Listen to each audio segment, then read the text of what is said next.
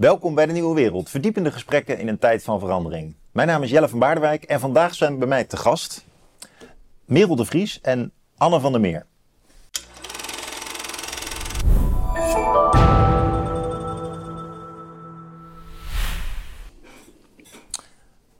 Anne, jij bent hier eerder geweest, hè? Dat was leuk, in coronatijd. Klopt, twee bent- jaar geleden. Je bent verslavingsarts, maar je bent ook gepromoveerd in de medicijnen Mhm. op het thema veroudering, Ja, mm, nou, het immuunsysteem. het immuunsysteem. En de rol, eh, ja, die veroudering is een soort zijpad daarin in geworden. Hm. Ja, En eh, onze opname toen, die Mhm. staat onder nummer 597 gerubriceerd op YouTube. Check it out. Daar doe je nogal een aantal voorspellingen over corona, die ook uit zijn gekomen.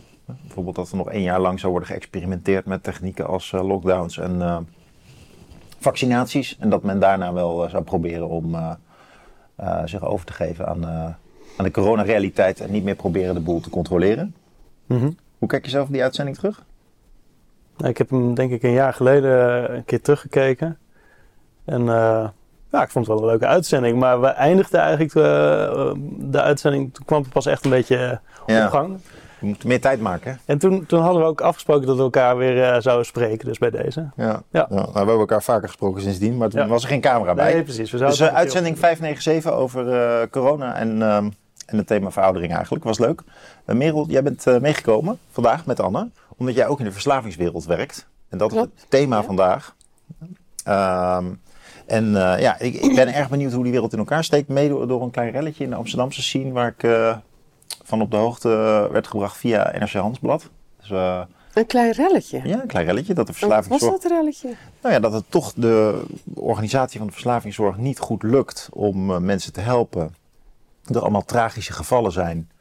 Eh, en dat dat ook te wijten is aan de organisatie van de verslavingszorg. En toch niet heel erg door de, door de verslaafden, die vooral de dupe zouden zijn van het systeem. En eh, nou, zo kom ik met Anne weer op het thema. Eh, eh, dat leek me een goede aanleiding om nog eens gewoon die wereld beter te leren kennen. Ook omdat het natuurlijk wel een beetje de, ja, ik zou niet zeggen een duistere kant van de maatschappij is, maar eh, zo een, beetje wel eng en taboe is. verslaafden. eh, en, en ja, hoe ga je ermee om? Eh, het is toch wat een ra rafelranden van de maatschappij. Dus daarom zijn jullie hier om ons daarmee in, in mee te nemen. Van wat gebeurt er nou allemaal precies? En hoe erg is het eigenlijk gesteld met... met, met, eh, met, met, Ik, hoor meteen allerlei eh, Vooroordelen. vooroordelen, Ja. Ja. En, want, want dat is natuurlijk niet waar. Het is natuurlijk niet een, het is een ziekte, mijns inziens. Maar het is niet waar dat het aan de rafelranden van de maatschappij zich alleen maar afspeelt. Hè? Huh? Eh, dat is wel eh, de, de categorie waar ik in werkzaam ben. En waar ik zelf als ervaringsdeskundige, want dat ben ik. ehm, eh, ik ben dus ook een verslaafde in herstel. Ben ik daar wel terechtgekomen, de rafelranden van de maatschappij. Maar ik ken ontzettend veel mensen die ehm, een huis hebben en, en een baan. En, ehm, en een soort van voor de buitenwereld eh, nog redelijk leuk eh, functioneren. Maar toch wel verslaafd zijn. En, eh, en daar ook de gevolgen van, van ondervinden. Hè? Zelf en hun omgeving. Dus het is niet, een, het is niet iets wat, wat alleen maar. we denken vaak dat het de dakloze is die in de goot ligt met een spuit in zijn arm. Of met een, een fles bij zich. Maar het, het is ook vooral natuurlijk. Eh, het merendeel komt daar niet terecht, Hm? denk ik. Dus het is, eh, het is iets wat, eh, wat waarschijnlijk heb je zelf ook verslaafden in je omgeving, of je dat nou weet of niet. Ook al ken je niet die daklozen. Ja, zijn, zijn er zoveel mensen verslaafd? Dat weet ik niet, dat weet Anne beter dan ik, denk ik. Ja, het sch- de schatting is zo rond de 5% van de populatie, 1 op de 20. Van iedereen met wie je in de klas hebt gezeten, is één iemand verslaafd geworden. Ja, ja. Of is één iemand verslaafd. En, en eh, je noemde het net een ziekte, hè? Dus ehm, is, Ja. Dat- ja. ja. Het is, zie jij dat ook zo, Anne? Is, het, is verslaving een ziekte? Ja, zeker. En wat, wat, zijn, wat zijn verdere kenmerken? Ja, ik, hoe- In ons vorige gesprek had ik het over een ziekte, hè, over de definitie van een ziekte. En dat de Engelsen daar zo'n mooi woord voor hebben, disease. Nou, er is bijna geen grotere disease, hè, dus eh, ongemak voor te stellen als, eh, als verslaafd zijn, zou ik, eh, nou althans. En daarom, daarom had ik meer ook uitgenodigd. Ik, ik, ik, ik, ik werk dan wel als verslavingsarts. Dus ik werk dagelijks met mensen die kampen met het probleem. Maar ik heb eigenlijk geen, ik heb geen idee hoe het, hoe het is om echt heel diep uh, verslaafd te zijn. Uh, dus, maar geen idee, dus misschien wel. Er zijn hele grote woorden. Nou, dat, dat is de afstand tussen. Ja? Ik denk dat ik de theoretisch kan ik er van allerlei dingen over zeggen. En ik kan het ook als fenomenologie kan ik het wel vertellen. En ik kan natuurlijk ook bij jezelf kan je wel te raden gaan. Dus ik ga wel. Ik toets het vaak in mijn eigen. Hè, wij hebben het nu heel erg over middelenverslaving. Dus dan heb je het over verslaving aan alcohol of aan andere, andere drugs. Uh, maar verslaving kan je veel breder zien. En dus kan je het ook bij jezelf wel herkennen, bepaalde patronen. Uh, dus onbewust gedrag, wat eigenlijk negatieve consequenties voor je heeft. Maar waar je, en wat je liever niet zou willen doen, maar je toch doet. Uh, dus die, die, die, alleen in mijn eigen leven heeft het mezelf niet dusdanig geraakt dat ik, dat, ik, uh, dat ik er zoveel disease van heb. Als mensen die je echt als uh, klinisch, ja, omdat het klinisch verslaafd, maar die zichzelf ook uiteindelijk zeggen: Ik ben vers, verslaafd, ik, ik, ik geef het toe, weet je, ik, ik heb geen controle meer over mijn gedragingen. En die hebben een negatieve impact op mijn, hm. mijn zijn in de brede zin, en op allerlei leefgebieden. Maar om terug te komen op je uh, vraag, ja, ik heb dus ik, toch, ik, wil het, ik heb geen idee hoe het is om verslaafd te zijn. Niet echt. Ik zie het dus elke dag. Uh, en daarom is het ja, ik kan het meer als fenomeen beschrijven, maar uh, daarom, en, en Merel kan het allebei. Hè? Merel, uh, daarom wil ik je er heel graag, uh, vond ik het heel fijn om je bij dit gesprek aanwezig te hebben. We, ons vorige gesprek hebben we heel kort al, hè, dat feit dat ik binnen die verslavingszorg werk, aangestipt. En toen wilde zij ook al, als wel een interessant onderwerp om het nog eens over te hebben. En nou, nu, naar aanleiding ook van dat krantenoffensief, denk ik ook wel de tijd is om daar eens echt over te hebben. Maar ja, ik, ik, vond hoe dan ook, moet, ja, Merel is degene eh, die ik ken. Ik heb met Merel uh, samen mogen werken en ik, ik, sindsdien uh, spreken we elkaar wel. maar ik ken niemand die, die dat zo goed onder woorden kan brengen en zo goed kan vertellen hoe, ja, wat verslaving echt is. Nou, dus, daarom. Nou, ik hoop maar dat ik, de, dat ik hieraan kan ja. voldoen. ja. Nou ja, ik, uh, voor mij is het um, inderdaad wat Anne zegt, dat is denk ik wel zo. Dat merk ik ook in mijn uh, omgeving en bij mijn cliënten um, die ik begeleid. Um, je kunt eigenlijk verslaving goed begrijpen als je het zelf hebt. En, en ik kan me heel goed verplaatsen in mijn cliënten. En ik merk dat mijn collega's in de instelling waar ik werk, ik werk in een een verslavingsinstelling voor, uh, voor de actieve gebruikers in Amsterdam. Um, en ik merk dat mijn collega's het toch wat moeilijker vinden. Uh, het, het, zijn hele goede uh, professionals, maar ze vinden het toch heel moeilijk om zich te verplaatsen in, in die verslaafde. Hm. die verslaving die, die, die doet iets heel raars met je. je, je. Je doet dingen die je eigenlijk zelf niet wil doen. En, um, en het is ontzettend uh, zelfdestructief gedrag wat je vertoont. Uh, en toch, je weet dat ook wel en je voelt dat ook wel, maar je kunt er niet mee stoppen. En, en dat kun je heel moeilijk uitleggen aan iemand die dat niet um, uh, aan de lijve heeft ondervonden. Maar dat is wel voor mij een kenmerk van verslaving. Is dat je, het is obsessief en het is compulsief en het is gedrag. En dat kan inderdaad, wat, wat Anne zegt, uh, uh, alles zijn. Hè? Um, maar het, het, heeft ook de neiging om steeds erger te worden in de loop der tijd. En de consequenties zijn vaak gigantisch voor je gezondheid, uh, maar ook voor je, voor je hele psyche en je, en je spirituele leven en, en alles. Het is totaal uh, ontwrichtend. En, um, en dat is voor mij wel een kenmerk van, van echt verslaving. En je kunt inderdaad de, de mensen die niet verslaafd zijn, kunnen misschien iets begrijpen door naar zichzelf te kijken. er zijn mensen die bijvoorbeeld af en toe zo'n hele doos bonbons leeg eten en dat niet kunnen stoppen. Laten we dat gaan doen. Uh, ja, graag. Maar um, ik probeer te stoppen. Hè? Oh, Dan, met bonbons uh, eten. ja, uh, want mijn, mijn ding is dus dat ik niet kan stoppen.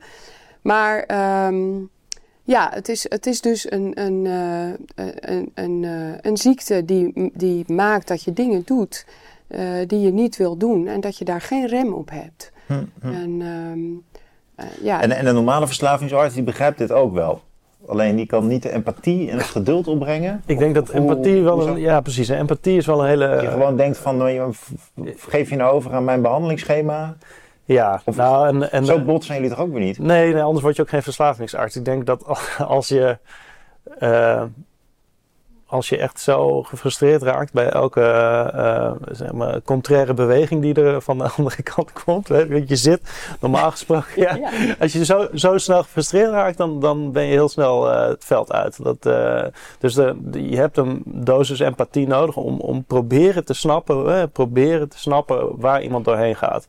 En ook dan pas maak je die connectie met, met, je, met, met de anderen. Zodat, en want de- ja, dat is een van de dingen, en we kunnen het wel over hebben, over wat, wat is nou, hoe werkt het nou, die verslaving? Maar een van de dingen, en nou, daarom ook weer meer, kijk naar jou, maar is dat eh, verslaving komt heel erg voort uit ook het eh, verliezen van eh, verbinding met, met jezelf en met de ander. Hm. En een van de helende dingen is juist die verbinding weer kunnen aangaan. Hm. En dus dat die empathie, met name, kijk, iemand komt naar mij toe en ik werk, eh Merel, jij werkt, ehm, eh, we werken allebei in Amsterdam binnen de verslavingszorg. Eh Merel werkt bij de actieve gebru- gebruikende populatie. En ik werk, je zou de verslavingszorg kunnen nou ja, indelen in, als je het heel grof schrijft, gewoon de, noemen ze dan de harm reduction. Ik vind dat allemaal hele vervelende eh Ja. Nou, vertaal het maar in het Nederlands. Maar goed, de nou, harm reduction, dus eh, laten we zeggen, de, de, de, de poging vanuit de maatschappij eh, om de problemen die uit verslavingsgedrag voortkomen te, te dempen. Hm. En letterlijk zo. En dus nog ineens zozeer eh, de verslaving en de verslaafde te, te genezen. eh, of om te proberen om die personen eh, hun verslaving te doen stoppen. Maar om de negatieve consequenties van die verslaving zoveel mogelijk te reduceren. Is dat, dus dat, dat is één één kant van wat, wat de verslavingszorg doet. En dat is met name mensen die dus eh, waarbij gebleken is dat curatieve, dus eh, het, het, behandelen om te proberen om de verslaving te doorbreken, niet goed werkt. Of op, op de een of andere manier. Hè, dus dan, als, als dat, die curatieve kant niet meer of nooit gewerkt heeft of niet werkt, of de mensen die, die willen niet, hè, die willen niet eh, stoppen met gebruiken, maar wel, eh, ze, ze, ze zijn wel zorgbehoevend, dan kunnen ze, ja, ik, ik weet niet of ik dit goed uitleg, maar misschien Nee, ik meer. vind het een hele mooie uitleg. Maar de- en dan je Dus jij zit aan de kant, van- je probeert het de- sociaal en- beheersbaar te maken en die mensen nog een draaglijk leven te geven. dat, dat heb je aan de ene kant. En dan heb je aan de andere kant, en dat is eigenlijk de grootste tak van sport binnen de verslavingszorg in heel Nederland, eigenlijk wereldwijd, is de echte curatieve. Dus de mensen die zeggen, eh, dat waar, waar, waar patiënten of cliënten, eh, of hoe je ook mensen met verslaving zelf aankloppen en zeggen, nu is het gewoon genoeg. Ik wil geholpen worden, ik wil mijn gebruik doorbreken. Eh, die curatieve kant. En dan heb ja, eh, als, je, als je de verslavingszorg even heel op die eh, splitsingen aan elkaar hakt, dan heb je de curatieve kant en de non-curatieve, maar. eh, nou, het leefbaar kant. ja, ja, precies. En dat noemen we in het, in het veld vaak de harm reduction kant. Hm. Eh, en dan zit, eh, ik zit een beetje op de scheidslijn qua waar, waar ik zit in mijn positie. En Merel, jij, zit- jij zit gewoon, eh, jij zit op de plek waar mensen Volop in de volop- harm reduction. Volop in de harm reduction. Ja, en eh, sorry voor de terminologie, Ja, ja. maar dat is hoe. Nee, nee, nee. Maar Maar dat dat, is, dat, ja. neemt niet weg dat ik wel toch wel op zoek ben, eh, maar dat is even een zijlijn, maar naar, naar herstel hè, vaak. Dus dat, er zijn ook wel mensen die iets willen en er zijn ook wel mensen die, eh, die willen stoppen en, en dat begeleid ik dan ook wel. Daar ben ik ook voor aangenomen oorspronkelijk. Maar er zijn eh, de, de meerderheid, en ik denk toch wel zo'n 95% eh heeft, heeft geen wens om te stoppen waar ik werk. En, en, eh, en dus gaat het inderdaad over het, het, ja, ehm, zo min mogelijk schadelijke gevolgen. En, en de insteek is natuurlijk ooit geweest voor de maatschappij. Mhm. Zo min mogelijk schadelijke gevolgen voor de maatschappij. Nou ben ik er natuurlijk, zo min mogelijk schadelijke gevolgen voor de cliënt of de patiënt. Het, jij noemt het patiënt, ik noem het cliënt. Denk Ja, ik. ik noem het ook geen. Ik, ik vind Ja. beide woorden eigenlijk. Ja, het wel- is verschrikkelijk. Ja. Maar Mensen. wat, wat moet, ja, voor, voor de mensen die daar, Ja. die daar komen. Ja. Ja. Maar het is interessant omdat jullie wel over zieken spreken. Ja. Dus, eh, Ja, Ja, een zieke Ja. mens. En Nou, jij, jij, jij vult het al iets meer aan als, als eh, gedrags, eigenlijk een gedragsafwijking. Ja. Dus, wel wat zachter weer. Maar goed, dus ja, men- mensen die, in, die echt in, in ingewikkelde problemen gekomen zijn. En, Ja. en, die daar niet uit willen en kunnen komen. Ja, die maar zijn dus nogmaals, bij die- de, de, de, de, wat Anne omschrijft, de, de grootste tak van sport is voor ja. eh, mensen die willen stoppen. Dat zijn dus ook vaak de mensen die eh, niet bij ons lopen. Want Nee. bij ons zijn de mensen die, die zeg maar zo ontzettend ver gezakt zijn dat ze ook geen huis meer hebben. Dat ze, dat ze aan allerlei eh, somatische ziektes lijden door hun verslaving, et cetera, et cetera. En dat ze in de criminaliteit beland zijn en, eh, en een totale decompensatie. Maar die andere tak van sport, hè, de zeg maar herstelgerichte verslavingszorg, die gaat dan over mensen die bijvoorbeeld eh, te veel zijn gaan drinken of eh, in het weekend eerst eh, veel cocaïne gebruikten, en, maar later werd dat iedere dag, et cetera, et cetera. Mhm. Dat is Ja. dat. En die, en die een stopwens hebben. Ja. Nou ja. En om ja. nog even iets beter te begrijpen hoe jouw werk eruit ziet. Dan komen we zo meteen weer op, Mhm. op andere vragen. Welke vormen van verslaving we kunnen onderscheiden. Dat is wel heel interessant, denk ik.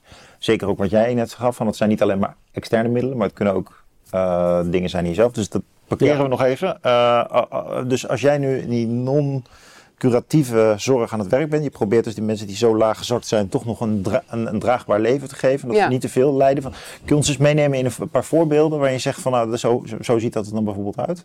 Dus die, ko- die komen bij jou langs of, of jij, jij kent ze. En je, hoe, hoe, hoe, hoe gaat dat, hoe ziet dat werk eruit? Wat kun je dan voor hen Nou, ik- betekenen? Ik werk over het algemeen gewoon op de poli. En, eh, dus er, er zijn eh, eh, regiebehandelaren of artsen of die, die zeggen, nou deze meneer, dat ik werk vooral met mensen die zorgmijdend zijn. Hm. Ehm, en, en waar men niet meer van weet, wat, wat moeten we ermee? En, en kun jij nog eens proberen om iemand ehm, aan te haken? Hm. hè, bij ons. Hm. Dat, is, dat is het overgrote deel. Of mensen die Dus dan ben je echt erg ontsporen. Ja, omdat het bij mijn werk eh, als ervaringsdeskundige vooral gaat over contact en verbinding maken. Oh ja. En dat is voor mij wat makkelijker dan voor iemand die niet verslaafd is. Ik kom zelf uit die wereld. Eh, nogmaals, ik ben eh, zelf een verslaafde. Ik gebruik niet meer, al, al geruime tijd niet meer. Ik leef 100% abstinent hè, van alle middelen. Eh, en van de gedragingen waar ik eh, problemen mee had. Ehm, eh, maar ik weet nog wel eh, hoe, het, hoe het was. En, en ik ben zelf nog steeds die verslaafde. Ehm, eh, en dus voor mij is het gewoon makkelijker om, om verbinding te maken. Ja, ja. En het, het wonderlijke is dat op het moment dat er een verbinding is, dan dat je ook dat er daadwerkelijk waarachtig contact is met de ander, dan kun je ook iets bereiken.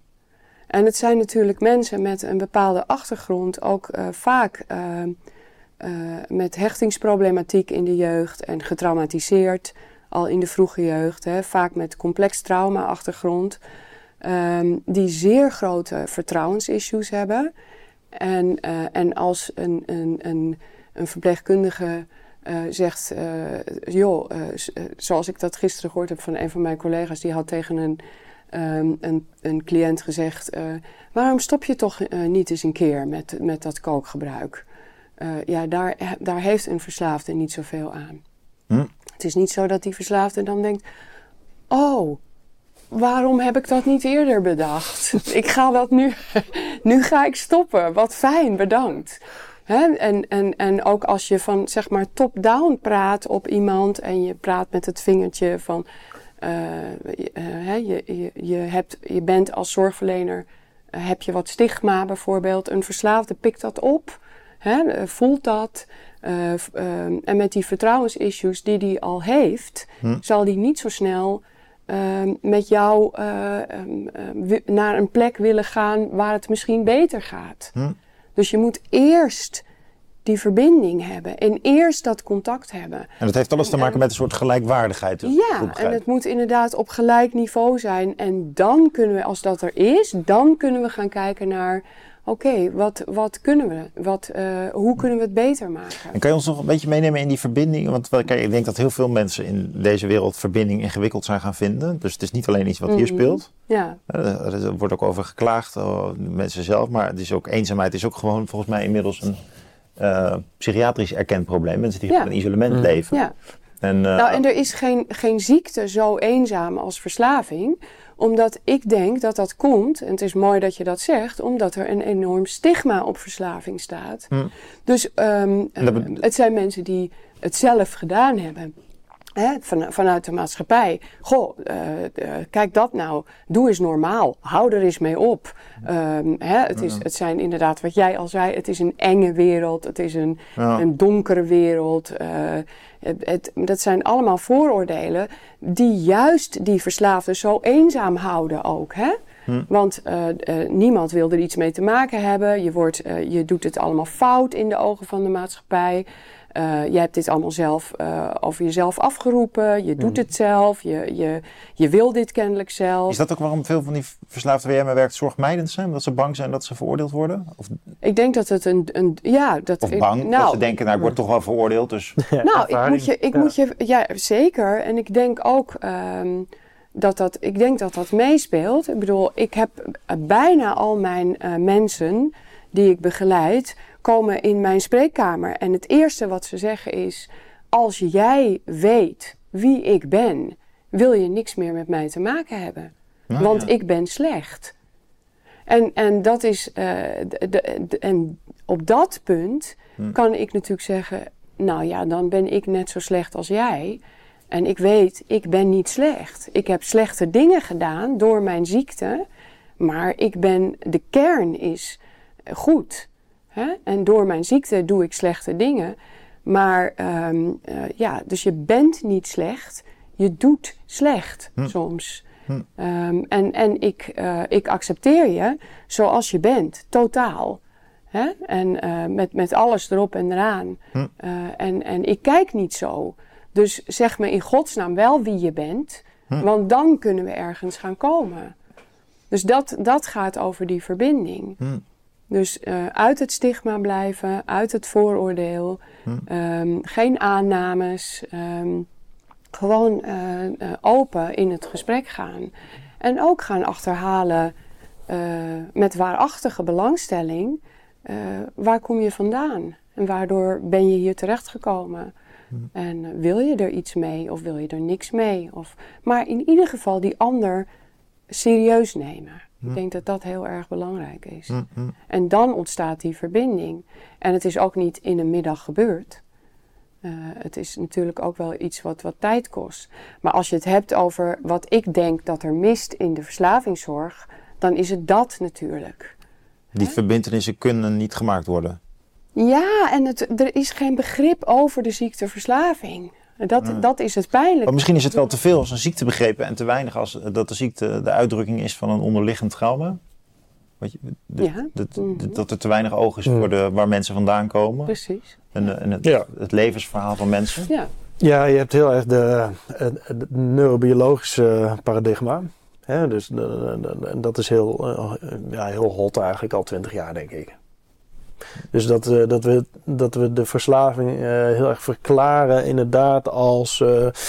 Afwijking in het hoofd. Afwijking in het hoofd, ja. Gewoon, ja ik, kan, ik kan wel een beetje uh, de, de leerboeken zeg maar, door uh, een samenvatting geven. Dus dat je de verschillende centra in je hersenen hebt. En dat er binnen de, degene die verslaafd is, dat, uh, dat dat anders is afgesteld. En dat, dat, dat er een continue behoefte is ook. En dat klopt, het, het klopt ook allemaal wel. Maar wat het heel erg beschrijft is eigenlijk wat iemand is geworden. Dus het is je, eigenlijk is, er, is de verslaving. Als iemand echt heel diep die verslaving in is. En eigenlijk zijn er verschillende stadia. Hè. Je begint eerst eens met je eerste biertje. Eh, omdat bij alcohol dan. Hè, alcohol is wel de meest voorkomende verslaving. Uh, eigenlijk wereldwijd. Uh, en het minste het stigma ook. Minste stigma, ja. En, en meest, ja. meest, iedereen wordt daarmee geconfronteerd, laten we zeggen. Maar ik heb dus maar de, van, van mensen die echt heel heftig aan de alcohol verslaafd zijn geraakt. Bijvoorbeeld het verhaal dat het eerste biertje. Nou, dan heb bijvoorbeeld de, de, Matthew Perry heet hij geloof ik, die, die Friends gast. Oh ja, ja, die onlangs overleden is. Precies, en die beschrijft het ja, dat hij toen hij op zijn zestiende met zijn maten ging drinken, dat het heel leuk was. Maar dat hij aan zijn maten zag dat hij het gewoon lekker, bier, eh, lekker, lekker drank drinken en lekker gek doen. En dat hij voor het eerst een soort van thuiskomen had. Zo van, ja, dit is... Ja, herkenbaar. Heel herkenbaar. Dit is, uh, uh, dit is eigenlijk hoe je je hoort te voelen. Gewoon een keer niet zo, zo naar. dus, en dat, in de neurobiologie wordt dat heel erg beschreven. Eigenlijk wordt pas het moment dat iemand al heel diep de verslaving in is, wordt beschreven. Maar niet dit, dit gedeelte, niet echt. dus een soort van Um, dat, want, wat wordt beschreven is dat als je eenmaal dus dagelijks drinkt, dan veranderen je hersenen inderdaad. En je, als je dan stopt met drinken, dan krijg je die ontwenningsverschijnselen. Kijk, dat is uit en treuren is dat beschreven. En hoe dat werkt. En het verslaafde brein is dat. En dan kunnen we dus heel makkelijk, eh, kunnen we, als we dat een beetje helpen en iemand ervan afhelpen, dan is het daarmee klaar. Maar eh, binnen de praktijk zie ik, we kunnen iemand een detox in uh, geven. En inderdaad weken van de alcohol afhalen en zelfs maanden. Maar pas daarna begint zeg maar de echte hel voor, voor, voor die mensen. Ja. Uh, en, en dat heeft heel erg te maken met wat Merel beschrijft. De, de, state of being, of de, het, het, hoe, het, hoe het is om verslavingsgevoelig te zijn? Is, het, is, dat misschien uh, dus de, de, het nou ja, de trauma's in jeugd bijvoorbeeld? Ik, uh, en het zo afgesteld dat je je eigenlijk nooit echt fijn voelt. En dan heb je je drug of choice, zoals dat is, de, de, het verslavende middel wat dan langskomt, wat dan opeens die wereld laat, hè, jou, jouw beleving laat zijn zoals je zo, eh, dat is vaak het haakje. En dan ga je voor de bijl. Dan, uh, nou goed, maar, maar jij, jij zei je herkent wel wat. Ik, ik, ik lul weer uit de boeken. Hè. Ik wil en ik zie het ook nou, wel. Ja, je hebt ook veel ervaringskennis. Maar meer van, ja, toch met de witte jas aan ervaringskennis. En wat ik zie aan de andere kant. Maar, uh, en, en, maar ik vind het dan toch weer interessant om een merel te vragen van... Je zegt, ja, je herkent daar wel wat in. Wat ik zeg over... Ehm, zo'n Matthew Perry, het verhaal van die Matthew Perry, wat hij vertelt als hij dan voor het eerst drinkt. En dat hij het verschil heel erg merkt van, hé, hey, bij mij is die alcohol echt een compleet ander beest dan voor andere mensen. Ja, dat was voor mij ook. En ik zie dat ook, uh, of heb dat gezien in mijn omgeving natuurlijk ook. Uh, en ik hoor dit ook uh, van heel veel mensen. Hm? Ja, voor mij, um, ik denk dat je verslaving gewoon niet los kunt zien van bijvoorbeeld hechtingstoornis. hè? Mhm. Ehm, inderdaad, het, het gebrek aan connectie al in de vroege jeugd. En het gebrek aan verbinding in de vroege jeugd. En dat kan van zeer ernstig uh, misbruik zijn tot uh, een totaal kille omgeving waar geen aandacht is voor je. Hè? Maar er is, als je gaat kijken, is er altijd, mijns inziens, wel iets van een, een gebrek aan connectie Ehm, waardoor uh, er een ongemak is in de persoon. Uh, en, en, en, en, uh, en, en ik, voor mij was het een pijnklomp. Bij mij zat letterlijk een, een klomp in mijn buik van pijn, die er gewoon altijd geweest is. Hm. Um, bij mij zit, zit wel in mijn achtergrond complex trauma. In mijn gezin van origine. Um, en ik, ik, uh, ja, ik, toen ik op 12-jarige leeftijd was dat, uh, voor het eerst ging gebruiken, uh, was die klomp weg. Mm. En dat gevoel, dat kan ik me nog steeds herinneren, hoe dat was. Het was. Ik voelde mij voor het eerst eigenlijk goed. En, uh, en fijn en ontspannen. En, en het gaf me ook een connectie met de mensen die om mij heen zaten, die ook aan het gebruiken waren. Dus ik had alles in, in één keer. Ik voelde me goed. En ik had de connectie waar ik, uh, waar ik uh, ook um, uh, op had, ja, waar ik, waar ik eh, naar verlangde. Um, dus ja, als dat gebeurt op die leeftijd, maar dat kan ook op latere leeftijd gebeuren. Hè? Het is niet voor iedereen hetzelfde, maar bij mij was dat. Ja, daar ga je niet meer mee stoppen natuurlijk. Want op het moment dat ik weer stopte met gebruik, was die pijnklomp er weer. En, en voelde ik me leeg en eenzaam en anders dan anderen. En, en dus ehm, eh, je, gaat dat, je blijft dat herhalen. En er ontstaat al heel snel een verandering in de hersenen. Met dat hele dopamine-systeem. Dat mm. weet Anne beter dan ik te, vertellen. Ehm, wat, wat gaat veranderen. En, en waardoor dat beloningssysteem dusdanig in de war raakt dat je hebt steeds meer nodig van het middel. Uh, je hebt andere middelen nodig. Hè. Het, het, het, is ook een, het, het wordt vaak gesubstitueerd. Dus je, als ik met het ene stopte, dan ging ik het andere gebruiken. Um, en, en voordat ik het wist, uh, kwam ik er nooit meer uit. Dus verslaving hè, is geen keuze. Het is geen keuze. Mm En dat is wel belangrijk om te weten, omdat de maatschappij denkt: het is een keuze. Nou, heel veel dingen zijn in het leven natuurlijk geen keuze. Nee, nee maar zeker dit niet. En, en het is natuurlijk, het werkt ook lang voor je. Het doet ook heel lang voor je wat je wil dat het doet. Hm? Het dempt namelijk het gevoel. Want mijn ziekte is de ziekte van niet kunnen omgaan met mijn emoties.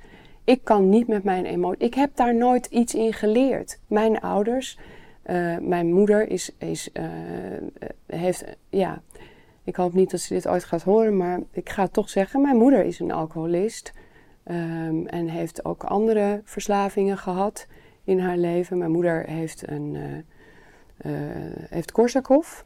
Uh, op dit moment, zij, zij is door, door, eigenlijk door alcohol eigenlijk totaal ja, wel echt ziek geworden. Hè?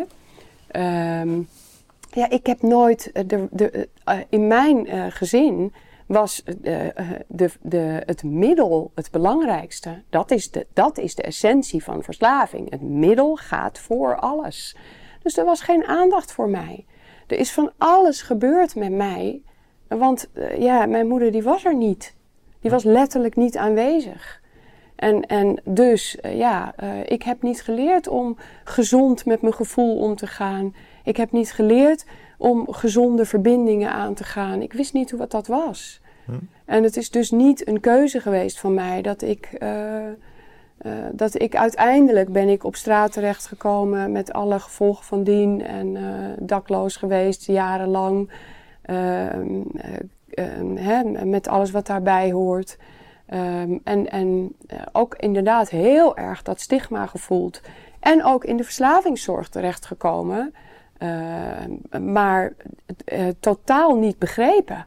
Totaal niet begrepen. Hm. want ja, inderdaad, hou er toch eens mee op. Of wat doe je jezelf toch aan? Um, maar niet.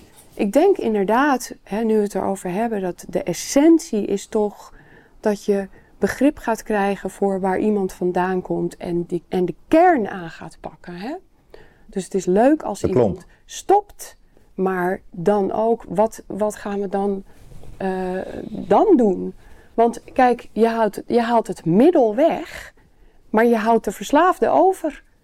Begrijp je wat ik daarmee bedoel? Ja, je, je noemde jezelf net ook nog verslaafd, terwijl je al lang van de spullen af bent. Dus dat is, dat is interessant. Ja, maar dat ben ik ook. Hoe kijk jij daarnaar als, als verslavingsarts? Dat iemand ja, dat zichzelf zegt? Je kan dus eigenlijk niet echt genezen van deze ziekte, maar wel van de middelen. Hm. nou, ik sowieso, ik zit zo ademloos op mij te Het is een fantastisch uh, Merel dat je, ja. dat je dit doet. um, nee, ik denk dat het voor veel mensen bevrijdend is ook om te horen. En ik kan me voorstellen dat het ook geweldig is dat, dat je dit uh, zelf bent gaan doen toen uh, vervolgens. Dus dat je als ervaringsdeskundige hebt gezegd, ik ga me inzetten voor andere mensen. Nou, heeft heel lang geduurd hoor. Ja? ja Voordat je die grens over kon? Voordat ik dat kon doen, ja, dat heeft heel lang geduurd, ja. Had dat iets te maken met dat je er zelf, dat je dacht dat je dat, dat, je dat niet goed zou kunnen? Of wat, dat je dat systeem Ja, dat denk ik, ja. En, en ook, uh, ik, ik, uh, ik, ik, heb een kind en ik, ik moest dat alleen opvoeden. En uh, dat, ik was druk met andere dingen ook, ja. En ik wist ook inderdaad niet goed, ik, ik wist niet dat ik dat kon, dat ik dat in me had. Hm. En ik heb het ook, uh, ik wilde juist met de gebruikende populatie werken, hè, niet met de mensen die al in herstel zijn. En uh, ja, zo'n baan is moeilijk te vinden.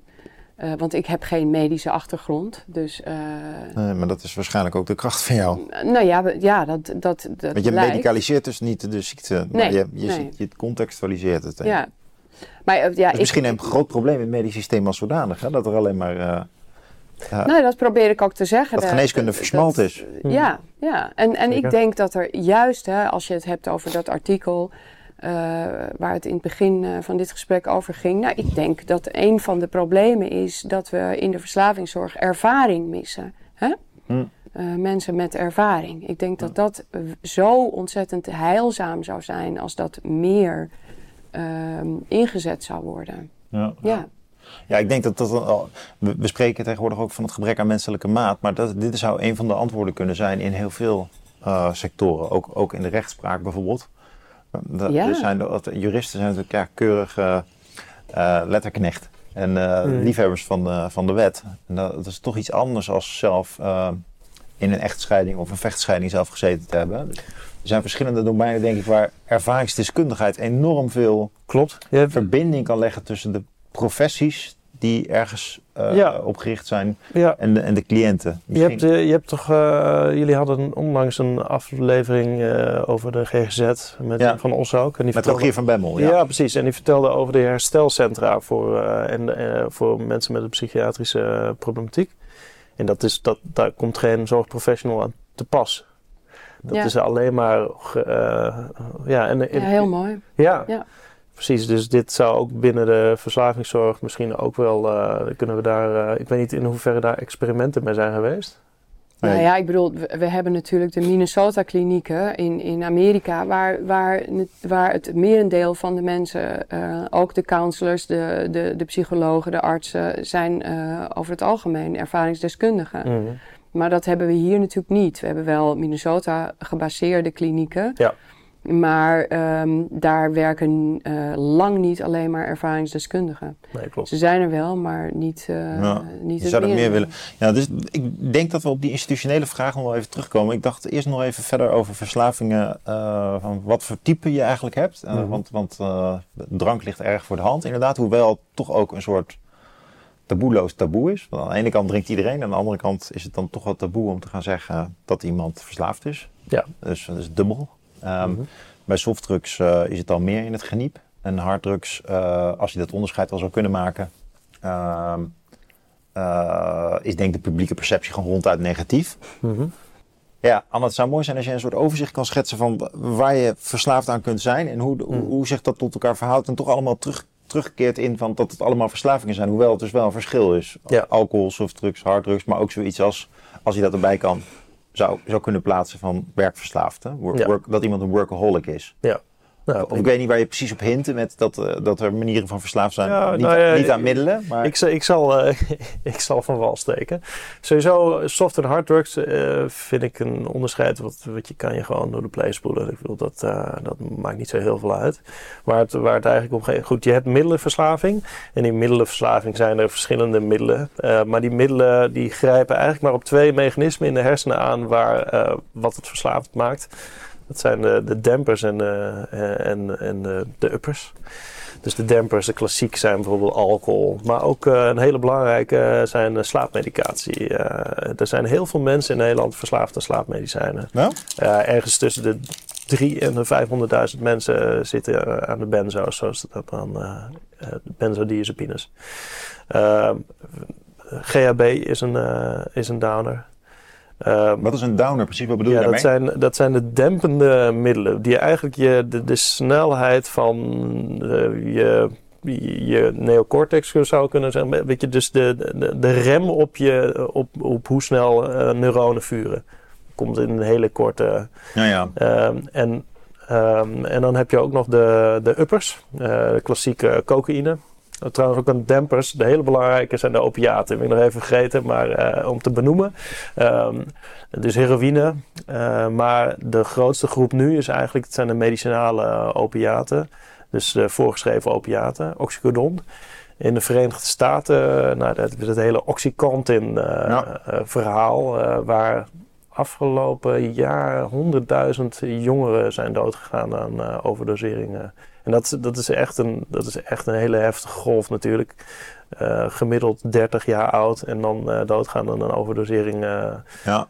opiaten. Ik heb daar eens een keer een uitzending over gemaakt met Marlies en Ad. Oh, ja.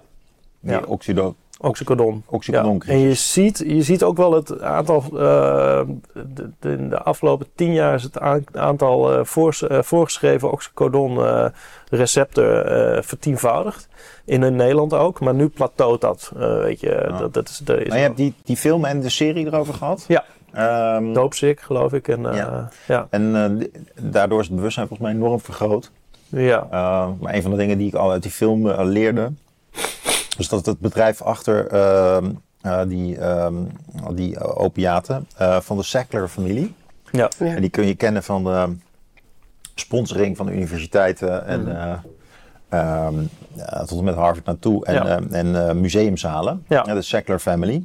En hun credo was op enig moment over die eigen opiaten, over die eigen medicijnen, to start with and to stay with. Mm. Dus uh, dat was echt uitdrukkelijk de bedoeling wow. dat je verslaafd ja. dat het een onder, ja. onderdeel werd van je Terwijl de, de marketing ging er juist om dat het uh, voor het eerst een opiaat was wat niet verslavend is. En dat is trouwens ook als je, uh, dit is de geschiedenis van de opiaat, is fascinerend ja. natuurlijk. Want je, dat gaat echt al heel ver terug. Maar een van de, de wat recentere geschiedenis, dan heb je het over de opio, opiumoorlogen in, in China bijvoorbeeld. Mm. maar vanaf dat moment, de, de, de farmachemie heeft eigenlijk elke keer een nieuw uh, opiaat uitgevonden.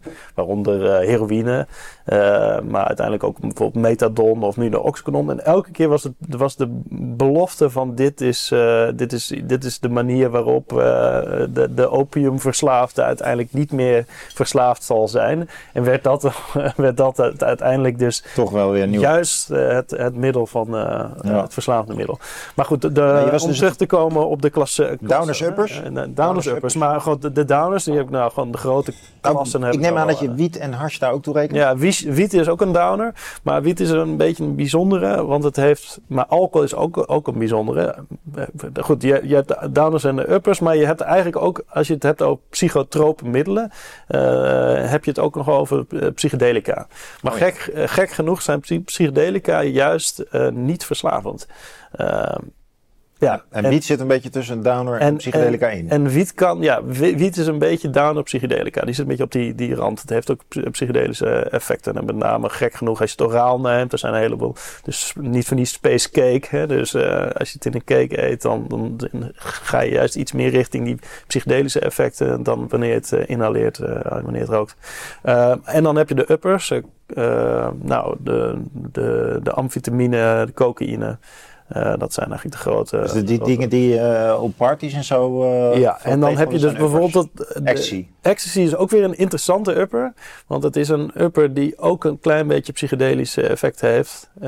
en dan binnen psychedelische paraplu heb je dan de empathogenen.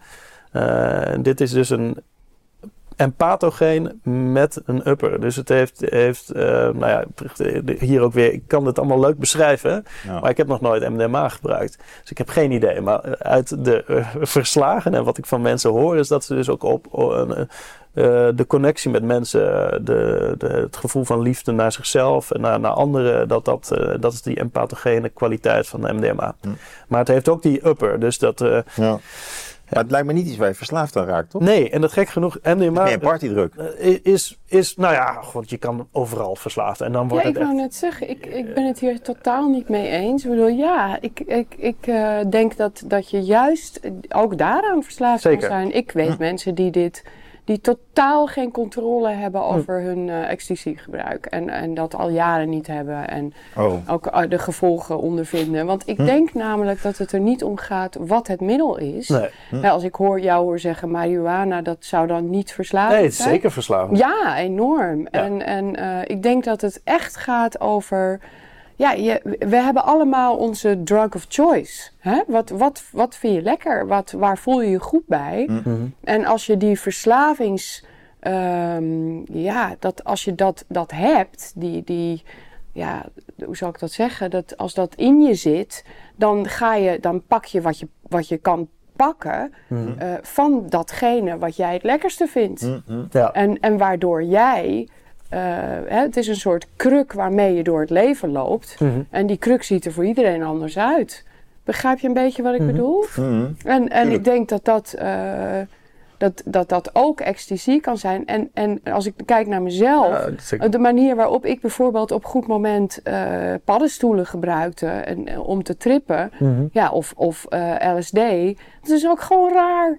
Want ik kon, weet je, dat- dat, daar kon ik ook niet mee stoppen. Mhm. En van die paddenstoelen heb ik tegenzet en dan ging ik dan wekenlang, dronk ik dat. ja, dat is apart gedrag, Ja, toch? ja, dat je continu... Dus en dan kunnen ja. we denken van ja, dat is niet, ehm, het is niet verslavend, maar voor mij dus wel. Mhm. Kijk, winkelen is, en kopen is niet voor iedereen verslavend. Ik denk voor jou niet een probleem, neem ik aan. Ik ben geen shopaholic, nee. Nee, maar, maar dat is voor sommige mensen, eh, geeft dat een high. Ja, hè? ja. En, en is dat wat, Ja, eh, wat je dus gaat doen. ja En trouwens, de, en de creditcard wordt, wordt helemaal, eh, Ja, ja, hè? ja, zeker. Ja, dat vertelt die, ehm, hè, eh, eh, die- Canadese arts waar wij zo fan van zijn. eh, eh, die, die, die versla- Gabor. Zit die ook op YouTube? Mate. Oh ja, ja. Zeker. ja. En die vertelt over zijn eigen klassieke muziekverslaving. dat hij echt heel obsessief, dan ging hij met smoesjes de deur uit om heel veel klassieke eh, muziek-cd's te gaan kopen. Eh, nou ja, Ja. maar je Ja. vroeg dus niet medicamenteuze verslaving. Nou, klassieke zijn gokken. Dat is een, een hele duidelijke. Ja. Eh, Seks. Seks, liefde. ehm, Liefde, ja? ja, Nou, ik zou het geen liefde noemen. nee, oké. Nee. nee. Aandacht, of wat? Obsessie met een persoon. Oh ja. Ja. Ja, ja. ja. Obsessieve Ja. eh, eh, interesse in een andere persoon. Hm. Ja. ja. Eh, en nou ja, verder... Telefoonverslaving? Ja, zeker. Internet. Spelletjes. spelletjes, Games? Hebben jullie, games. hebben jullie dat in jullie werk ook al eh, in beeld? Dat soort Wij, verslavingen? die komen niet bij ons. Die zijn niet destructief genoeg. Nee. Nou ja, Nou, ja, kijk. Nou, omdat, je, omdat je net suggereerde van het zijn toch sneeuwballetjes. Nee, Dus, eh, zeker. Maar- Eén leidt tot het andere. Ja, zeker. En, en het kan zeker wel de- destructief genoeg zijn. Hè? Dus er zijn wel eh, met- met, jongeren, met uh, gameverslaafde, eh, jongeren die dan suïcide plegen bijvoorbeeld. Eh, dus nou, hoe destructief we het hebben. Ja, Dus dat, dat, of dat- totaal vergroeid zijn fysiek. ja, Van het over dat ding hangen. Ja. Eh, ja, het heeft echt grote gevolgen. Een scrollduim. een scrollduim. ja, ja. Nee, Ja, maar bestaat ook al. Nee, maar, dus, dus, maar heel, ja, eh, dat is een beetje de. Ja. Waar het eigenlijk op neerkomt, en dat, dat zei eh Merel zo net mooi, hetgene wat jou geeft waar je eigenlijk behoefte aan hebt. Dus het is een, een, een- het begrip van zelfmedica, automedicalisering. Hm. Dus je bent eigenlijk al voor eh, een behoefte die niet bevredigd wordt. Eh, ben je, ben je, heb je iets gevonden wat dat gat vult? Hm. En het vervelende, en nogmaals van verslaving, is eenmaal eraan begonnen, dan moet er steeds meer komen. Dat is het hele idee van adaptatie. Eh, steeds meer komen om hetzelfde eh, plezante of een aangename staat weer te bereiken. Hm. En op het moment dat je dan wegstapt en dat het het weg is, hetgene wat jou die aangename staat, dan zit je eigenlijk nog meer in de onaangename staat dan waar je vandaan komt. De baseline waar je vandaan komt, die, die is nog lager eigenlijk. Dus je voelt Oh, je ja. nog ellendiger. Je Dus zit, het is niet dat is in ieder geval de theorie weer. Hè? Dus, eh, Ja, nou. nee, maar zo is het ook, denk Ja. ik. Ja. ja, alleen vind ik, ik wil daar wel een kanttekening bij maken. Ik vind het soms heel moeilijk. Eh, niet voor mezelf, want ik weet wie ik ben. Maar eh, als ik naar mijn omgeving kijk, vind ik het heel moeilijk soms om te bepalen: wat is nou eigenlijk verslaving? Wanneer wordt het dat? Hè? Want Ja. wat jij nou zegt over Gabor, Ja. Maté, over die eh, klassieke muziek. Ja, ik heb nog nooit iemand gehoord die bijvoorbeeld LP's verzamelt of CD's verzamelt. En die zich dan eh, op straat moet prostitueren, bijvoorbeeld. hè? Mhm. Voor mij is die verslaving zit, zit ook wel ontzettend in die zelfdestructie. Ja. En, en dat niet kunnen stoppen. Dus dat je eigenlijk jezelf op veel manieren, relationeel en spiritueel en, en op allerlei manieren en, en fysiek aan het afbreken bent. Maar dat je, dat je niet, dat, dat, dat het niet te stoppen valt. En het, het, sommige dingen hebben best schadelijke gevolgen, maar wanneer is het nou werkelijk zo schadelijk dat je kunt spreken van verslaving? Mhm. Ja. En dat heeft niet eens zozeer te maken met de hoeveelheid of met uh, hoe lang je het doet. Of, maar het heeft vooral te maken met wat voor gevolgen heeft het in je leven. Het gaat hè, over de, de uh, ja, hoe, hoe, wat op, hoe uh, uit het zich. Ja. En, en um, bijvoorbeeld bij een seksverslaving. En je kunt geen relaties meer ondergaan hè, met een ander. Nou, ik vind dat wel een enorm gevolg. Hm. Ja, Ja. Hè, dus dat, dat uh, of een, je kunt denken een pornoverslaving, ja, wat, nou ja, wat geeft dat? Maar ook daar zie je dat mensen uh, hun werk verwaarlozen, uh, hun, he, de, hun relaties verwaarlozen, echtscheidingen, geen contact meer met kinderen. En het wordt steeds erger en erger en he, dat. Dus het, het gaat niet zozeer Ja. over... Um, Nou ja, en, en De- precies al die facetten. Maar een lichamelijke ga- ja. een pornoverslaving. Ik had laatst een cliënt die dusdanig eh, veel masturbeerde... dat hij dat die echt gewoon zijn hele geslachtsdeel kapot aan het maken was. ja. Ehm, Ja. Dus echt, echt heel obsessief, heel Dat compulsief. ja. En, Ja. en, en je weet, ja, net zoals gevallen waarbij... ehm, eh, nou ja, letterlijk iemand zo, zo verslaafd is dat alles kapot gaat, inclusief nou ja, ik, ik heb het, een- een- een- een- ja, dat de kinderen echt smeken, moeder, doe dit nou niet, want we kunnen, we kunnen je nooit meer zien en, eh, we- Ja. er wordt, en, dan, eh, en toch ga je voor de bel. Waarom in hemelsnaam? Nou, omdat, omdat je zo verslaafd bent. Ja. Gewoon. Ja, dus dan is de, die, die, die klomp of zo, als je die eenmaal in beeld hebt, dan kan je ook niet zomaar herstellen. Dan is die verslaving heeft het eigenlijk overgenomen Die, die, van het trauma. de- Dus die, die Ja. pijn, zullen we zeggen, die pijn is zo heftig.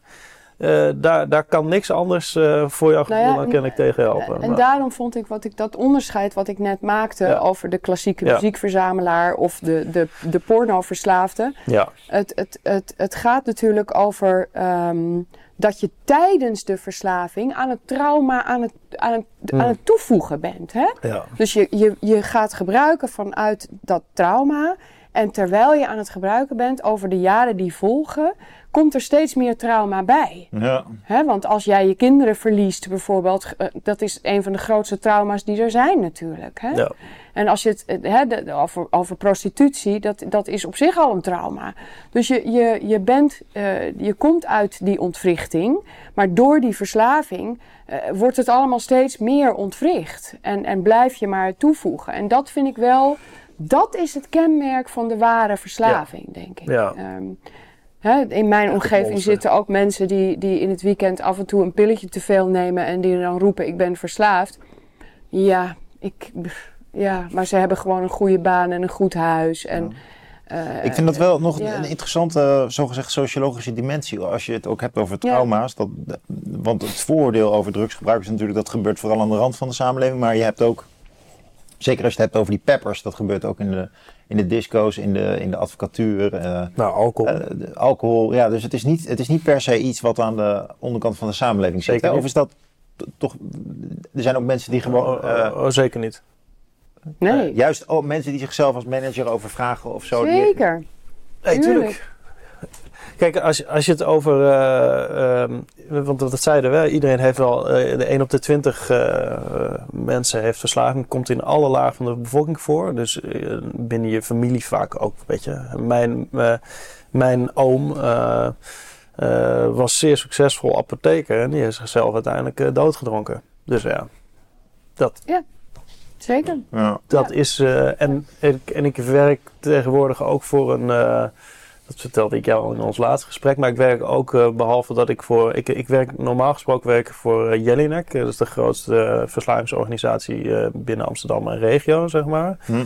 Eh, eh, en nou, dat is eh, gewoon standaard verslavingszorg. Maar ik werk nu juist ook eh, eh, af en toe in mijn vrije uren ehm, voor, een, eh, voor een club die zich richt op de, ehm, laten we zeggen, de allerrijkste.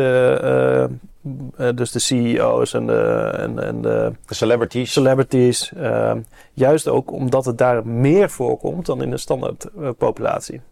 De druk is daar hoger. En sowieso, waarom word je een celebrity? Omdat er kennelijk al een gat is om te vullen. Je wilt fame, je bent heel erg naastig op zoek. Weet je, de, de, je hebt eigenlijk. En, en het leven van een, eh, van een celebrity is natuurlijk ook al uh, gestoord. Laten we zeggen, je kan hier normaal over straat. Weet je, als het over het ja. dus dan met veel uppers en downers ook gaan. Hè? Ja, nou goed. Dan sta je op het podium en is iedereen te applaudisseren. En vervolgens kom je thuis in de supermarkt. Ja, nou ja. ja. Uh, en sta je dan als celebrity. Welk grote artiest ken je die. dat, dat zijn minder die het niet hebben, een verslavingsprobleem, dan, dan die het wel hebben, zeg maar. Dus juist ook in. maar, maar ook op de Zuidas, waar, ik, waar ik de vorige aflevering grap, grappend de snuifas over zei. Nou, het is een prestatiecultuur en het moet. En, nou, dat is heel makkelijk om dan alcohol te gebruiken als een manier om je een beetje weer, beetje, beetje weer te ontspannen in de avond. Sam Altman, de, de man van OpenAI, ik las een interview over hoe hij zijn leven En heel gestructureerd. En hij eindigt de dag om te kunnen slapen met een beetje cannabis en een slaappil. Nou, dacht ik, nou, die gaat al een kant uit dat hij zichzelf aan het reguleren is met middelen. Mm nee, het komt echt letterlijk overal uh, uh, voor, absoluut. Mm -hmm. en, en, de ontwrichting is hetzelfde, hè? Ja, want die mensen Ook die... man van de Zuidas kan zijn vrouw en zijn kinderen verliezen. Zeker. En, en, en uiteindelijk... Zijn baan in een van een vervelend uh, achteraf kamertje terechtkomen. Hè? Omdat hij uh, een tonnen schuld heeft. Dat is wat ik dus, uh, wat ik dus elke, bijna elke vrijdag mag meemaken. Ja. Deze verhalen. Ja, ja heftig.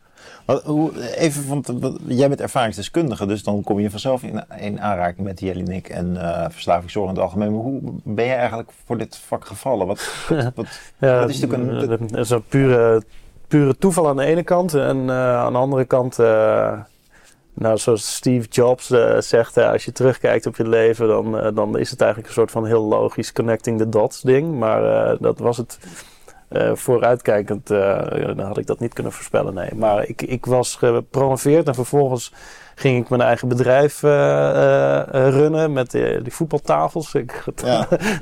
het zal. Dat vier jaar gedaan en toen... Het was een heel leuk bedrijf. Je hebt, ja, zeker.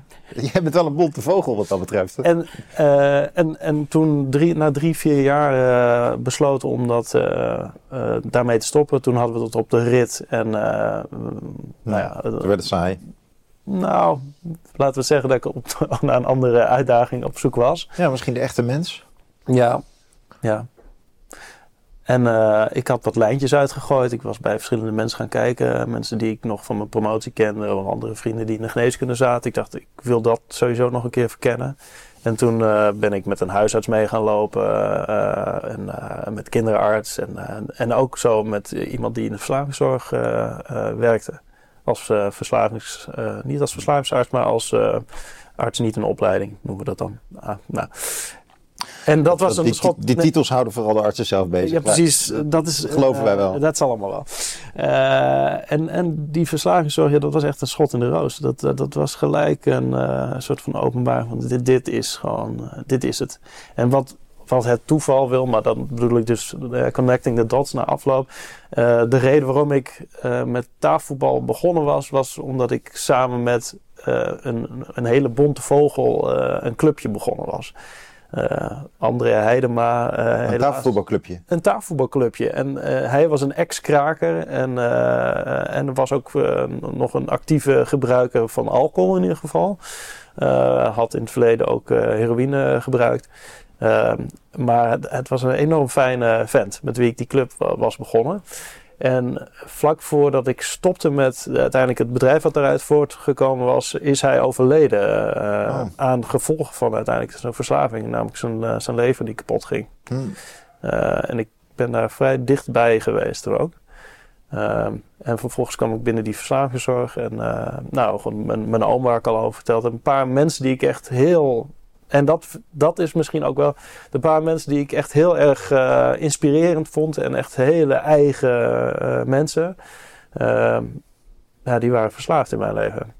En dat vond ik ook terug binnen de mensen met wie ik nu mag werken. Ik vind het altijd echt zeer inspirerende mensen. Het zijn dus ook eigen. Ja, dat is misschien ook omdat. Ja, ja goed, ik, ik hou echt van, van, mijn, van de mensen die ik tegenover me heb. Ja. Ja, voor je cliënten. Dus uh, ja, ja, zeker. zeker. Uh, ja, dat, dat, uh, ik, ik, ik zie ook zeg maar, de, de, de weg die, die iemand die verslaving aflegt, echt als een soort van spirituele weg of zo. Het, het, het vormt mensen echt. Ik zeg, het, het is niet voor niets dat ik Merel hier ook na, naartoe haal. Ja, ja. Uh, wat, wat mooi gezegd. Een, een, een uh, lichtend voorbeeld van, ja. ja. Ja, dus ja, dat heeft mij daar ingetrokken. Ja. De, jij vraagt ernaar, ik, uh, ik probeer het te duiden, maar... Ja, wat mooi dat je het met ons deelt en uh, ontroerend ook. Ja, ja. Dus, uh, ja. Nou, graag gedaan. Ja, ik zou, als ik nog, uh, in de, in, als ik nog patiënt tussen aanhalingstekens zou zijn in de verslavingszorg, dan zou ik graag Anne als mijn arts willen. Ja, waarom is dat? loop je slijmen hier. ja, maar waarom is dat? Want ik, ik heb het idee nou, dat veel verslaafden omdat... namelijk niet de juiste arts kunnen vinden. Dus het is wel interessant dat we dat kunnen benoemen. Kijken of we toch op een bepaalde nou, ik manier denk dat, dat het een leerles dit is. dus, die empathie en het begrip. En, uh, ja, en dat je de ander ook echt inspirerend vindt, juist. Dus... Uh, ja, en dat je ook inderdaad die ander ziet. Ja. Dat je die ander werkelijk ziet. En hoe mooi is dat als je in, een, in, een, in een wereld leeft waarin je nooit gezien wordt. Hè? Want dat hoort bij die verslaving. Mm. Waarin je jezelf ook afschermt hè, van die wereld, zodat je nooit gezien wordt. En, en dan is er opeens iemand die jou ziet. En dat is, dat is natuurlijk heel erg fijn. Ja. En dat kan echt uh, life-changing zijn, hè, zoiets. Ja. ja. Ja. mooi dat dat echt met die erkenning te maken heeft. Dat iemand zich gezien voelt. Ja. ja. En kennelijk is de zorg uh, gek genoeg zo ingericht dat dat niet zo is. Ik weet, ik, ik de, de, vergelijking gaat helemaal niet op hoor. Maar toch even, van, uh, als ik zelf met studenten omga, dan merk ik ook wel van als je ze, als je ze echt een stuk leest en, je hebt, en het spreekt je aan en je zegt dat het je aanspreekt, dan kan dat ook enorm motiverend voor ze zijn. Mm -hmm omdat we kennelijk in een schoolsysteem terecht zijn gekomen waar iedereen altijd maar het idee heeft, ja, ik ben maar een studentnummer of ik ben maar, uh, ja. ik ben maar een nummer voor je. Mm, ja. Ja. En als, dat, als die verbinding er is, dan, uh, dan, kan dat, uh, ja, dan, dan kan opeens motivatie die iemand zegt te hebben, kan dan echt, een, kan dan, kan dan echt betoverend worden voor iemand. Dat motivatie echt leidt tot inderdaad gedrag. Waardoor iemand opeens een 8 voor zijn scriptie wil halen. Terwijl die altijd maar gewoon een zesje geweest is. Dat komt dan toch door die verbinding. Het komt niet Ja. per se ook door mij als persoon. Ja. Het komt dan Nee. door die verbinding. Maar dat weet je toch nog van je eigen, bijvoorbeeld middelbare schooltijd. Dat Ja. voor die, die, die leerkracht waar je dat mee had. Ja, Liep je veel harder, vond je het vak interessanter, deed je meer je best. ja, Eh, en het ging vaak gewoon over dat contact wat je had. ja. En eh, ja, toch? En wat ik ook wel mooi vind, is dat je motivatie eruit eh, tilt. Want dat is eigenlijk, als je, als je het helemaal naar de kern toe terugredeneert binnen wat iemand uiteindelijk dan helpt, is dat te vinden. Die, die bron van, want uit, ik, ik moet de persoon nog tegenkomen die zichzelf kapot wil maken. Echt kapot wil maken. Dat, volgens mij wil iedereen uiteindelijk... eh, ja dat is die, die, dat, die controle die er niet is, waar jij steeds op wijst. Van je, je, je wil zelf helemaal die drugs niet, maar je gaat er toch voor. Maar Ja, eigenlijk- ik, ik ben het hier ook niet mee eens. nee? Nee? Nee. Nou, dat is de mooie. Want, want als ik zeg die zichzelf echt kapot wil maken, ik, ik geloof dat niet. Nou Ik- ja, bij, het- bij ons is, is eh, het percentage suïcidegevallen echt hoog. Hè? Ja, En dat is toch wel de ultieme vorm van, ik, ik, wil, ik wil het niet meer. nee, maar is dat Eh, jezelf kapot maken? Of is dit jezelf, jezelf bevrijden van het jezelf kapot ja, maken? precies. Ja. ja, dat is een hele interessante vraag. En ook die Eh, oma die dan weer in contact kan komen met de kinderen en dan toch weer naar de fles of de drugs grijpt. Dat kan toch, ja, eh, waarschijnlijk als je het aan de vraag wil ze liever met die kinderen zijn. Het is meer, die verslaving is groter dan zij is. En maar die verslaving biedt op dat moment dus een, een, een Nou soort... ja, ik, ik eh, weet ja. wel, ik weet Die zuigt wel, je gewoon terug. uit mijn eigen ervaring en, en die van mensen om me heen, dat, dat die zelfhaat kan gigantisch zijn. Ja. ja. Ja. Nee, precies. Ja. Maar dat is uiteindelijk een, eh, zeg maar, nou goed, dan gaan we, dat is Ja, uiteindelijk een illusie. in, hè? maar ja. Die, die Ja. zelfhaat is ook een, een, een mode om, een modus om ergens mee om te gaan. Ja, maar dat is niet hoe het ervaren wordt door de persoon zelf natuurlijk. Maar pak dat nog eens een even uit, hoe modus om zelf mee om te gaan. Dat is, Nou, zelf, zelf, om er ergens mee om te gaan. Ja, je, je, je, je, je, je- de- uiteindelijk gaat het, komt, het, komt het neer op, op, een, op een wat dieper liggende klomp, laten we het daar zeggen. ja, dat is een mooi beeld. Hè, dus dus eh, een, een, een, lekker- letterlijk een, een pijnsensatie. Eh, en, en door eh, dus dan gewoon de. Meestal is zelfhaat ook een, een soort stem uit het verleden? Is het, uh, nou roep eens uh, je vader die tegen jou, hè? Dus je, je, en, en als je dan maar gewoon opnieuw daar doorheen gaat, door het zelf te doen, door het zelf te straffen, dan, dan voelt het uiteindelijk, kan dat wat verlichting geven van die klomp, gek genoeg het, het, het idee van automutileren. Dus mhm. mensen die uh, zichzelf meestal op de pols, ook heel erg symbolisch, maar polsen snijden of in nergens. waarom doe En dan vraag ik, wat, wat doet het? Eh, vertel eens wat gebeurt er op het moment dat jij een mes in jezelf zit. Dan verlicht het mijn pijn. Mm dus zelfhaat is een, een verlichtingsmechanisme juist. Hmm. Dus je bent toch echt op zoek naar het verlichten van de pijn. En dat is ook met, met uiteindelijk de grootste automutilatie. Uh, uh, suïcide is ook een pijnverlichting. Ik, ik wil dit, dit, dit ik is draag, veel, dit is te veel. En, het, en er is niks helpt meer. Ik heb alles gedaan. Alle, alle drugs die ik maar kon vinden heb tijdelijk verlichting. Maar ik ben op zoek naar uiteindelijk gewoon, uh, gewoon de complete verlichting van mijn pijn. Hm. Ja. En, uh, en jullie proberen eigenlijk andere verlichtingsmodi, zoals jij het noemt, dan verlichtingsstrategieën dan te vinden. Ja, dat zou ik zeggen, ja. ja of, of we kunnen laten zien dat, dat dit allemaal dus in die zin illusies zijn, dat het eh, tijdelijke oplossingen zijn. Nou goed, ik misschien, eh, dan gaan we richting hoe kan je, hoe kan je, hoe kan je richting in ieder geval draaglijk leiden of naar genezing toe gaan. Ja. Uh, nou, genezing van verslaving weet ik niet of dat bestaat. Hè? Nee, Voor inziens dus niet. Ik bedoel, je bent verslaafd en je bent dat voor de rest van je leven. Je leert ermee omgaan door niet te gebruiken. Hè? Mhm. Hm. Maar die, die, ja, nou, het is een interessante discussie. Ja, zeker, ja. ja. Want, nou ja. Nou, ik denk dus dat wat, wat, wat er, uh, er anders mee om leren gaan, hè, met, die, met die pijnklomp waar we het dan over hebben, of die, die zelfbeschadiging of uh, de zelfhaat, is, ik, het ligt allemaal constant, kom ik toch weer terug bij die verbinding. Liefde. Maar dan niet liefde hè, zoals wij dat uh, kennen in deze maatschappij, maar uh, alles over uh, bovenuitstijgende uh, liefde met hoofdletters. Hè, eigenlijk goddelijke liefde zou je het kunnen noemen. Mm. Dat, dat, het zonder oordeel. het gevoel dat je er mag zijn. Ja, ja. Ongeacht je achtergrond, ongeacht wat je gedaan hebt. Mm. Um, ja. In die zin hebben jullie werk waarbij jullie ook eigenlijk bijna uh, taken van de kerk over moeten nemen om mensen te helpen zichzelf te vergeven en uh, ja. zichzelf te zien staan. Ja. Mhm. Dat is natuurlijk van oudsher iets wat je nog in uh, geloof kan praktiseren, maar dat is sinds geloof niet meer institutioneel aantrekkelijk is voor veel mensen. En het is ook heel moeilijk om dat dan te vinden, zo'n plek. Maar misschien als je verslaafd bent, dat het makkelijker is om een dominee te bezoeken. Maar ik krijg gelijk die marxistische uitspraken van uh, religie is de opium van de volk. het komt allemaal weer terug. Maar, ja. uh, nee, ik bedoel, ik heb het ook niet over religie. Nee. Ik heb het over... Uh, de, psychi de psychische nou, kant daarvan, de zielenkant daarvan. De spirituele kant, ja. ja. Ja, zeker. Ja, ja. Maar, maar meestal ook al is dat zeg maar misschien wel uiteindelijk hetgene wat, wat, de, wat de grote verlichting gaat geven, om het maar in spirituele woordingen te. Is dat niet uh, hoe, uh, hoe, je, hoe je als eerste binnenkomt? Laten we. Dat is wel waar mensen uiteindelijk zich naartoe bewegen. En dat is ook wat ik zeg. Uiteindelijk zou je kunnen zeggen dat uh, mensen.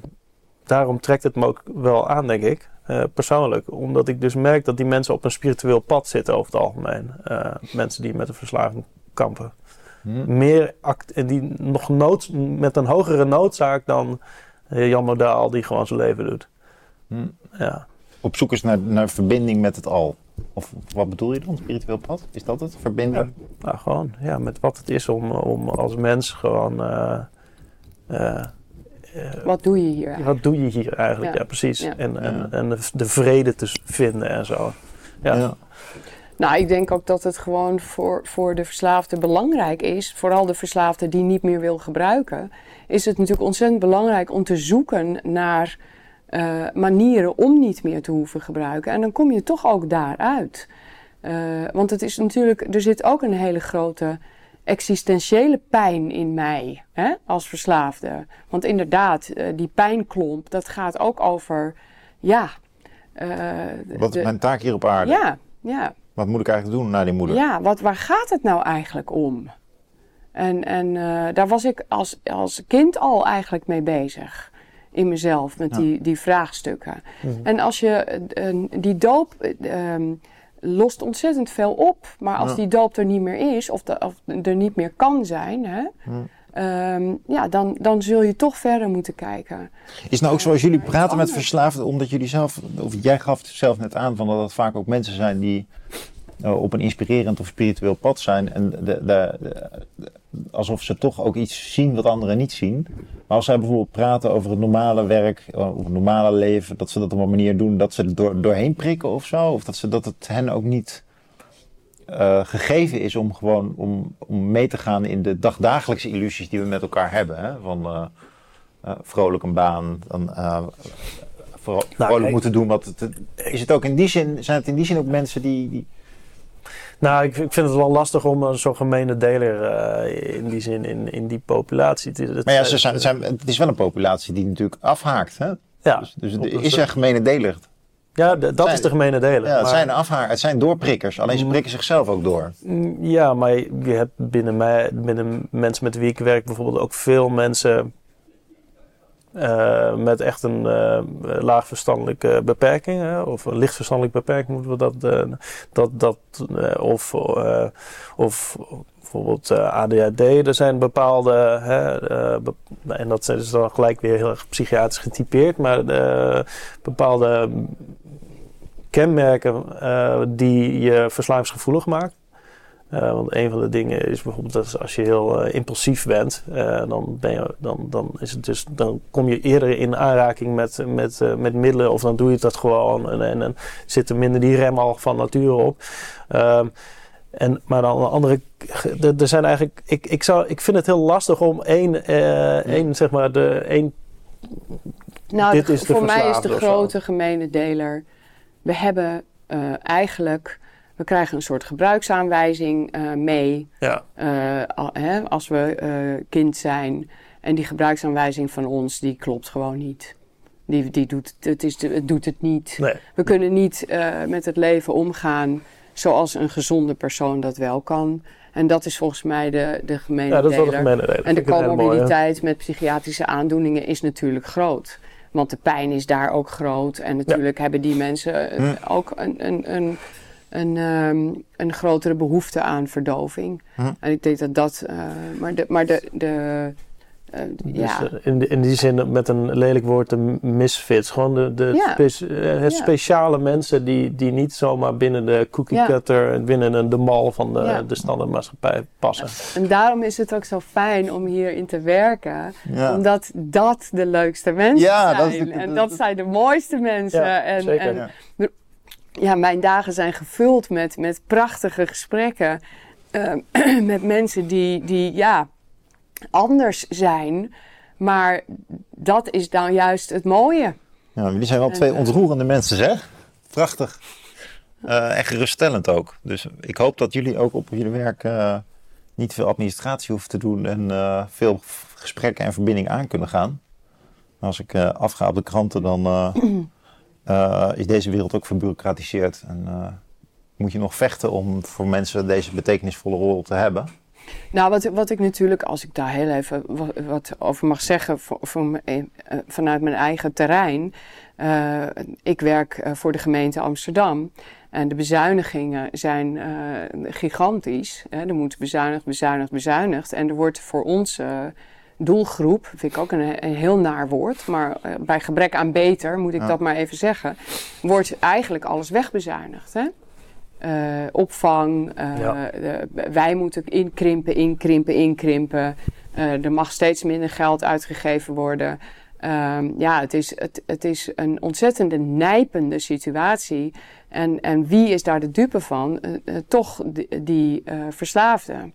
Uh, en, en die, die niet meer de juiste zorg krijgt. En dat is wel echt, ik vind dat zeer ernstig. En um, ik ook heel jammer. Um, bijvoorbeeld, uh, waar ik werk waren eerst drie ervaringsdeskundigen. En wegens bezuinigingen ben ik nu de enige. Uh, en ik zal binnenkort een enorme populatie daar moeten gaan bedienen in mijn eentje. En men denkt dat dat kan. Um, men ziet niet de toegevoegde waarde van een ervaringsdeskundige uh, voor de verslaafde en, en in de zorg. Um, ja, hè, en noem maar op. Ik bedoel, het, het gaat maar door.